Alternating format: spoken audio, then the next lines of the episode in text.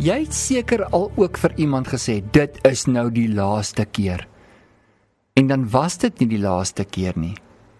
Ek onthou as my kinders klein was en my vrou sê vir hulle, "Mamma het nou die laaste keer gepraat, hoor?" Dan sê sy nou net weer, "Mamma het nou vir die laaste keer gepraat, hoor?" en hoe meer sy sê mamma het nou vir die laaste keer gepraat, hoe meer leer die kinders nee wat die laaste is nie die laaste nie.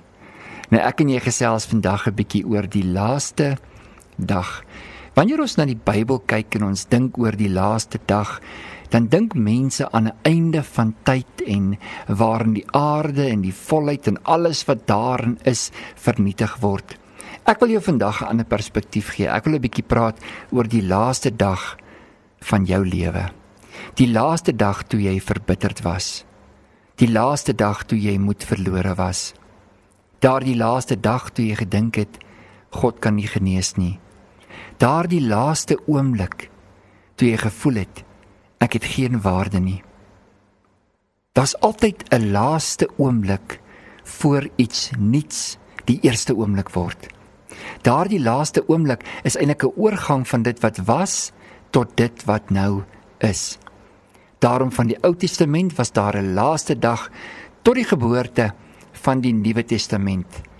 Hy wie gebore is, het 'n einde gebring aan dit wat was sodat hy is in ons lewens. Gister het tot 'n einde gekom. Môre sal tot 'n einde kom. En hoe ek en jy ook al rondom dit leef en dit probeer vermy, sal ek en jy ook nie altyd in die vlees hier teenwoordig wees nie. Daar's ook 'n vervaldatum op hierdie vleis wat die Here vir ons gegee het, die liggaam wat ons koester en hoe ons ook die liggame van ander vir wie ons so liefhet, ehm um, gewoond aan geraak het en koester en eer. Maar daar sal ook 'n laaste dag vir my en jou wees. Die laaste dag is nie net altyd die dag wanneer ons sterf nie. Dis ook die laaste dag wanneer die vlees sterf. Dis 'n dag waarin iets wat nie goed is nie ook tot 'n einde kom en waar iets wat beter is vir die eerste dag sy verskyning maak. Ek onthou in die laaste dag toe ek nog nie regtig 'n pappa was nie. En toe 'n oomblik toe ek my seun, my dogter in my hande hou, toe word ek 'n pappa. Ek was pappaloos die een oomblik en die volgende oomblik is ek 'n pappa. Iemand het dalk beleef die laaste dag van sy werkloosheid. En ek wil jou aanmoedig vandag dat die laaste dag vir jou ook 'n aankondiging is tot iets nuuts wat in ons lewens gaan kom. In Johannes en ek lees dit vir ons saam, die boek van Johannes hoofstuk 7 vers 37 tot 41. Jesus is by die fees en op die laaste dag, die groot dag van die fees, het Jesus gestaan en uitgeroep en gesê: As iemand dors het, laat hom na my toe kom en drink. Hy wat in my glo, soos die skrif sê, strome van lewende water sal uit sy binneste vloei. En dit het hy gesê van die Gees wat die se ontvang wat in hom glo.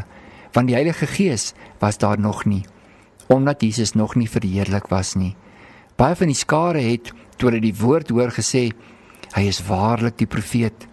Ander het gesê hy is die Christus en ander het gesê kom die Christus dan uit Galilea interessante opmerking wat Jesus maak op die laaste dag van die groot fees maak hy 'n aankondiging oor waar hierdie strome van lewende waters eintlik vandaan kom. Wat is die put, die bron van hierdie strome van lewende waters? En dat God sê van nou af Wanneer jy die Gees ontvang, sal hierdie strome van lewende water uit jou binneste vloei.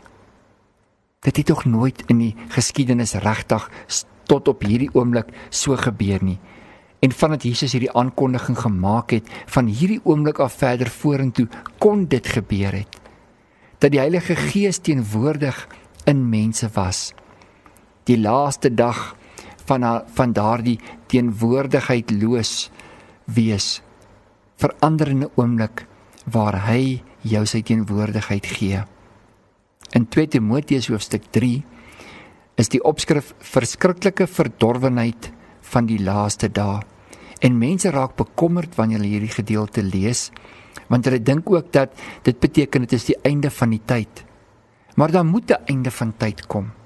Jy kan tog nie altyd 'n kind wees nie.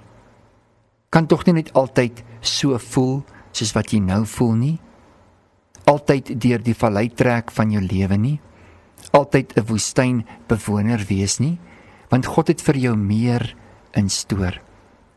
Dink aan Israel toe hulle die laaste dag in daardie woestyn ronddwaal. En hulle voete oor die rivier sit en die land oorsteek om te kan sê welkom in Kanaan. Sien dan moes 'n einde die laaste dag van die woestyn in hulle lewens gewees het. Ek bring vandag vir jou goeie nuus. Ek wil vir jou kom sê dat daar is 'n Kanaan wat vir jou wag en dat jy kan uitreik dat jy jou hoop kan herstel vir dit wat God voor jou geplaas het. Dit wat hy voor jou instoor vir jou lewe het. En dat jy vandag kan sê, miskien is dit vandag die laaste dag. Kom ons lees saam 2 Timoteus hoofstuk 3 vers 1. Maar weet dit dat daar in die laaste dae swaar tye sal kom. Nou wanneer hierdie woord geskryf is, in die boek van Timoteus is dit eintlik tot die beginkerk van daardie tyd gerig. Daar was geweldige vervolging toe Jesus uit die aarde uit is op die Christelike kerk tot so 'n mate dat daar vers, verskriklik martelare uit die Christelike kerk was. Want die mense vers 2 sal liefhebbers van hulle self wees. Geldgieriges, grootpraters, trotsaards, lasteraars, ongehoorsaam aan hulle ouers, ondankbaar, onheilig, sonder natuurlike liefde, onversoenlik, kwaadsprekers, bandeloos, wreed, sonder liefde vir die goeie, verraaiers, roekerloos, verwaand, meer liefhebbers van genot as liefhebbers van God. Mense wat 'n gedaante van godsaligheid het, maar die krag daarvan verloon het. Keer jy ook van hierdie mense af? Want uit hulle is die wat in die huise insluip en arme vroue gevange neem wat met sondes belaai is en deur allerlei begeerlikhede gedryf word wat altyd leer en nooit tot die kennis van die waarheid kan kom nie. En net soos Jannes en Jambres Moses teëgestaan het so sal ook hierdie mense die waarheid teëstaan. Mense verdorwe in die verstand onbetroubaar ten opsigte van die geloof. Maar hulle sal nie verder voortgaan nie want hulle dwaasheid sal vir almal duidelik wees soos ook die van daardie manne geword het die laaste dae die laaste dae van jou lewe as 'n ongelowige die laaste dae waarna jy kan verwys toe jy nog nie die liefde en die krag van God in jou lewe leer ken het nie daardie laaste dag toe jy besluit het om sake met jou broer of jou suster te gaan regmaak. Daardie laaste dag toe jy besluit het om iemand in jou lewe te vergewe en oor te kan stap in 'n nuwe lewe. Dat jy nie meer so soos die mense van hierdie tyd op jouself gefokus is nie, maar dat jy jou oë na Jesus toe draai want dit is wanneer daar 'n einde kom aan die dae wat ek en jy leef en soos ons dit in die vlees lewe dat ons ook kan uitsien na 'n dag in die gees vir elkeen in die woord wat deur moeilike tye gegaan het was daar ook 'n laaste dag ek dink sommer nou wat in my gedagtes opkom aan die lewe van Job hy sit nog vir 'n oomblik vrou kinders die vee op die land baie eiendom. En die laaste dag van al daardie dinge breek vir hom aan. In 'n oomblik verloor hy. Hy verloor sy kinders. Hy verloor die vee, die eiendomme brand. Die laaste dag wat hy dit gehad het. En toe het hy deur 'n proses gegaan.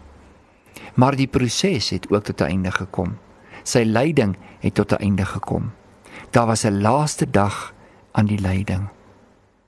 Die nuus vir jou vandag is dat daar altyd 'n laaste dag van alles in jou lewe is.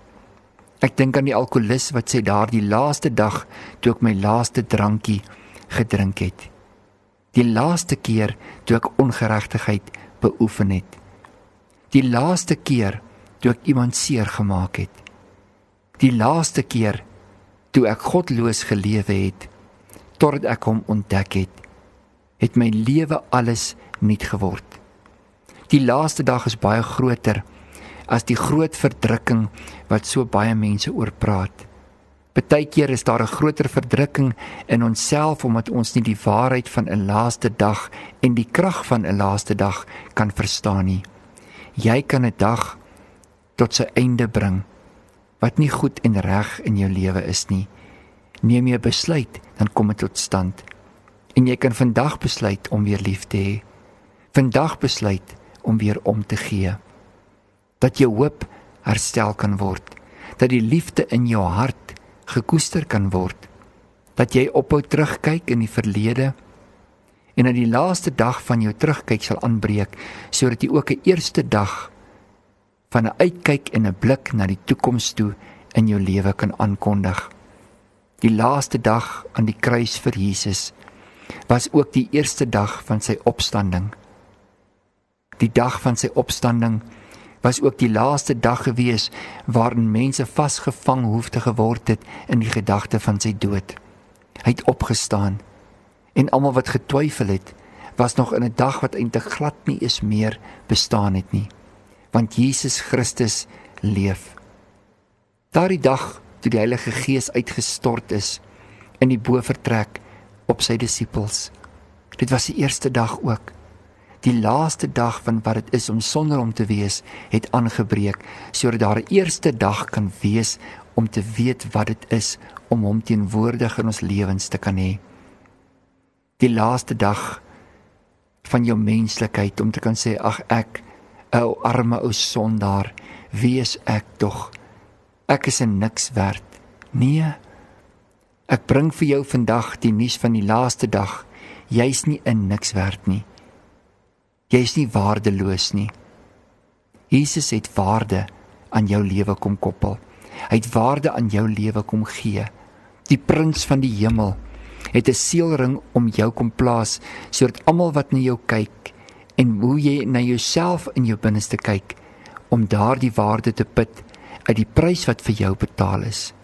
Jesus Christus die seun van God het 'n waarde op jou kom plaas.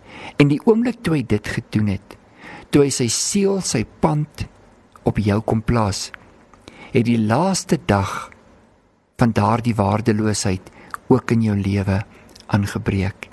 Jy is nie meer wat jy was nie. Jy is nie maar net nou vlees nie. Jy's 'n kind van God. Jy's 'n seun of 'n dogter van God.